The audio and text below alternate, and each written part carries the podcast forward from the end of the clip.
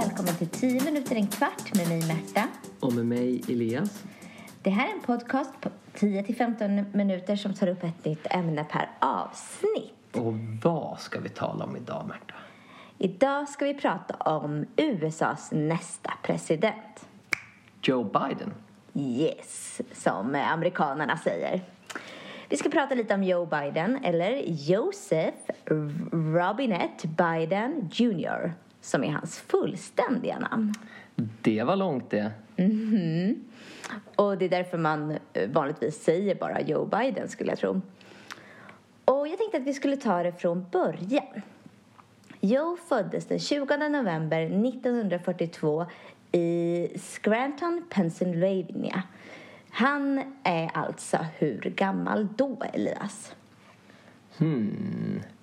2021 minus 1942. Det borde bli 79 va? Stämmer. Ja, han är 79 år gammal. Mm. Han kommer att bli den äldsta presidenten som USA har haft. Men det kommer vi till. Nu tar vi det här från början. Och Joe har faktiskt haft ett väldigt spännande, sorgligt och händelserikt liv. Take it away Märta. Ja, vi kör på med det här med, med eh, engelskan idag. Joe Biden föddes i Scranton men flyttade tidigt till Wilmington i Delaware. Och här finns en Sverigekoppling men det får ni ta reda på själva efter podden. När Biden var ung eh, stammade han väldigt mycket och det ledde eh, till att han blev mobbad i skolan. Han kallades för Bye Bye av de andra barnen och senare då studenterna sa att det var så det lät när han försökte uttala sitt namn helt enkelt, sitt efternamn. Men man får verkligen inte mobbas och vara elak. Det är jättetaskigt ju. Ja, taskigt. Det är fruktansvärt. Eh, och han har påverkats mycket av det här. Ehm, Alltså, idag... Gud vad hemskt verkligen. Ja, ja, det är helt fruktansvärt. Idag har han jobbat och tränat bort mycket av sin stamning. Vilket jag personligen känner att man skulle inte behöva göra det. det är, man pratar som man pratar. Men han har gjort det i alla fall. Men lyssnar man väldigt noga på honom så kan man märka att han ibland gör små stamningsåterfall. Och, och det kan, man, kan, man kan höra ibland när han pratar att han har en stamningssvårighet. Det kan helt enkelt bli lite fel ibland. Ja, det var väl det här som Trump och hans andra motståndare försökte liksom hålla lite emot honom under, under valet och framförallt under debatterna. Och de la väl upp så här lite taskiga videos på Youtube Mm. och sånt om honom. Där man märkte att han, han sa lite fel helt enkelt. Mm, de betedde sig som skolbarnen helt enkelt när han blev mobbad. Precis så. Ehm, och idag jobbar Joe väldigt aktivt och engagerat med eh, stamning eh, och vill liksom hjälpa andra som eh, har problem med det. Ja men gud vad bra. Mm. När Joe gick på universitetet och pluggade juridik träffade han sin första fru Nella Hunter och tillsammans får de tre barn. Bo, Hunter och Amy. Hans första fru säger du. Är de inte gifta fortfarande? Nej, tyvärr är de inte det. Joes liv kantas nämligen av väldigt många tragedier. Och strax efter att Joe Biden valdes in i senaten 1972 råkar hans familj ut för en tragisk trafikolycka. Det är nämligen så att hustru Nella och den ettåriga dottern Amy dör. Sonen Bro bröt benen, eller benet och sonen Hunter fick en skallfraktur. Men gud! Alltså hans dotter hon var väl bara ett år då? Ja, det är jättetragiskt och han, det tar ju såklart hårt på honom. Han är nu ensamstående med två små, små pojkar och dessutom bodde ju de i Delaware och han jobbade i Washington i senaten som jag sa. Men han lovade sina pojkar att han skulle komma hem varje kväll. Så varje kväll och varje morgon så pendlar han med tåget från Wilmington till Washington. Gud vilken historia. Det känns lite som en så här Hollywoodfilm nästan. Mm. Och det blir tyvärr mer på det spåret. Joe gör karriär i politik, som politiker men han har ofta ont i huvudet. Han får läggas in på sjukhus och till slut så upptäcker man att han behöver opereras för puls eh, åderbråck i hjärnans blodkärl. Och det här behöver han inte göra en gång utan två gånger.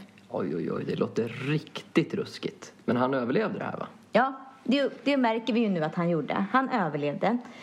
Eh, och med både politiken och kärleken går det nu framåt. För han träffar sin nya fru Jill och de får en dotter som får heta Ashley. Men vad kul för Joe. Verkligen. Och för Jill. Politiken kan man säga toppar 2008 då um, han först kandidaterar till eh, att bli president men sen väljer att hoppa av. Men om man hoppar av, hur kan man då räkna som en topp? Ja, det är för att eh, kort efter att han hoppar av så vinner Obama primärvalet och utses till presidentkandidat för Demokraterna.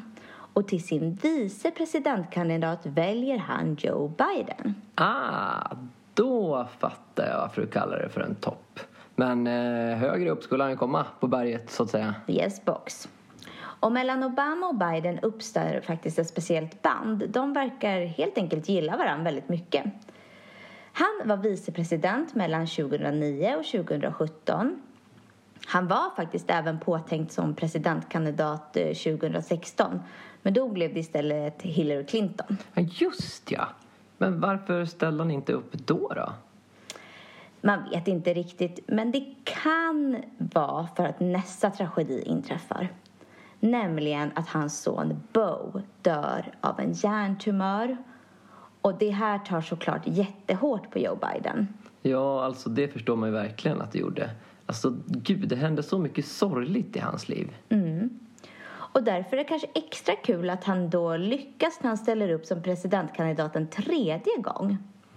Alltså, det här måste vi ju tala lite om.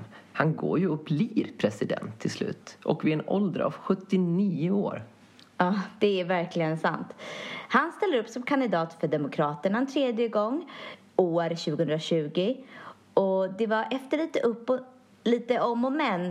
Eh, primärvalet, alltså när Demokraterna ska utse vem som ska utmana Donald Trump, går till en början rätt segt och han är dålig i debatterna och verkar trött men lyckas inte liksom, samla in heller så mycket pengar som behövs. Just ja, för man brukar säga att han har inte så mycket egna pengar va? Nej, han är en av de fattigaste som ställt upp i presidentval. Eh, vet du hur mycket han är god för? Nej, ingen aning alltså. 15 miljoner dollar. Ja, det är ju typ 150 miljoner svenskar då. Så han är ju ja, inte superfattig direkt. nej, verkligen inte. Men jag ska tillägga här att det är ju han och hans fru Gills gemensamma pengar. Men nej, han är inte superfattig. Men det säger något om eh, kandidaterna. Men hur gick det då i valet mot Donald Trump? Ja, eh, valet blev jämnare än vad som förutsatts i eh, vad heter det? Nu tappade ordet. Opinionsundersökningarna. Tack. Eh, men han bedömdes den 7 november 2020 av ledande amerikanska mediekanaler ha vunnit valet. Även om sittande då president Donald Trump inte erkänt sig besegrad eh, och ifrågasatte rösträkningen i de flesta delstater. Ja, och, men nu så är vi väl snart framme vid den 20 januari och då är det väl dags för honom att sväras in som president va? Exakt. Och till sin vicepresident har han utsett Kamala Harris, den första kvinnan som valts in i Vita huset. Och hon är dessutom dotter till en mamma från Indien och en pappa från Jamaica. Wow! Alltså det här är en riktigt häftig historia faktiskt. Men det är en sak som jag tycker att vi har glömt att nämna. Åh oh, nej, det måste du verkligen delge. Vad kan det vara? Det är nämligen så att Joe Biden har en, han har ju haft många kärlekar i sitt liv, men han har en bestående som har hängt med hela livet. Och det är att han älskar glass. Så verkligen älskar glass. Oh, men gud, vilken tur att du sa det. hade vi absolut inte fått missa. Nej, verkligen inte. Och om man vill veta lite mer om glass kan man ju passa på att lyssna på vår podd om glass. Mm -hmm. och säger vi något om Joes eh, favoritsmak där eller? Det gör vi inte, tyvärr. Men däremot kan man ju googla lite bilder på Joe Biden och glass. Så får man ah. väldigt många roliga bilder. det, kan man göra. Och, och, man kan ändå lyssna på avsnittet om glass för att förstå vad det är han gillar. Det tycker jag verkligen. Sen har vi ju faktiskt inte nämnt någonting om hans politik eller? Nej, för det kommer som en av uppgifterna sen vet du. Vad bra! Det var nog allt för idag. Och vi som har gjort den här podden heter Elias och Märta. Eh, och det här är en podd som är gjord i samarbete med vikarielärare. Till den här podden finns det lärarhandledning och arbetsmaterial som går att använda innan, under och efter man lyssnar på podden. Podden hittar ni i våra sociala mediekanaler. Vi finns på Facebook som vikarielärare. Gå in och gilla oss. Och på Instagram som vikarielärare. Gå in och följ oss där. Du kan även hitta podden på vår hemsida www.vikarielärare.se Och det är också här du hittar lärarhandledningen och elevuppgifterna. som finns i vår kunskapsbank och lösenordet för att logga in där är vikarielärare med litet p. På Facebook har vi också gruppen Lärarnas kunskapsbank som jag råder dig som lärare att bli medlem i. Det är närmar sig 15 000 medlemmar och jag tycker att du ska gå med där för där delas det jättemycket häftigt material. Tack så mycket! Tack, hej. hej.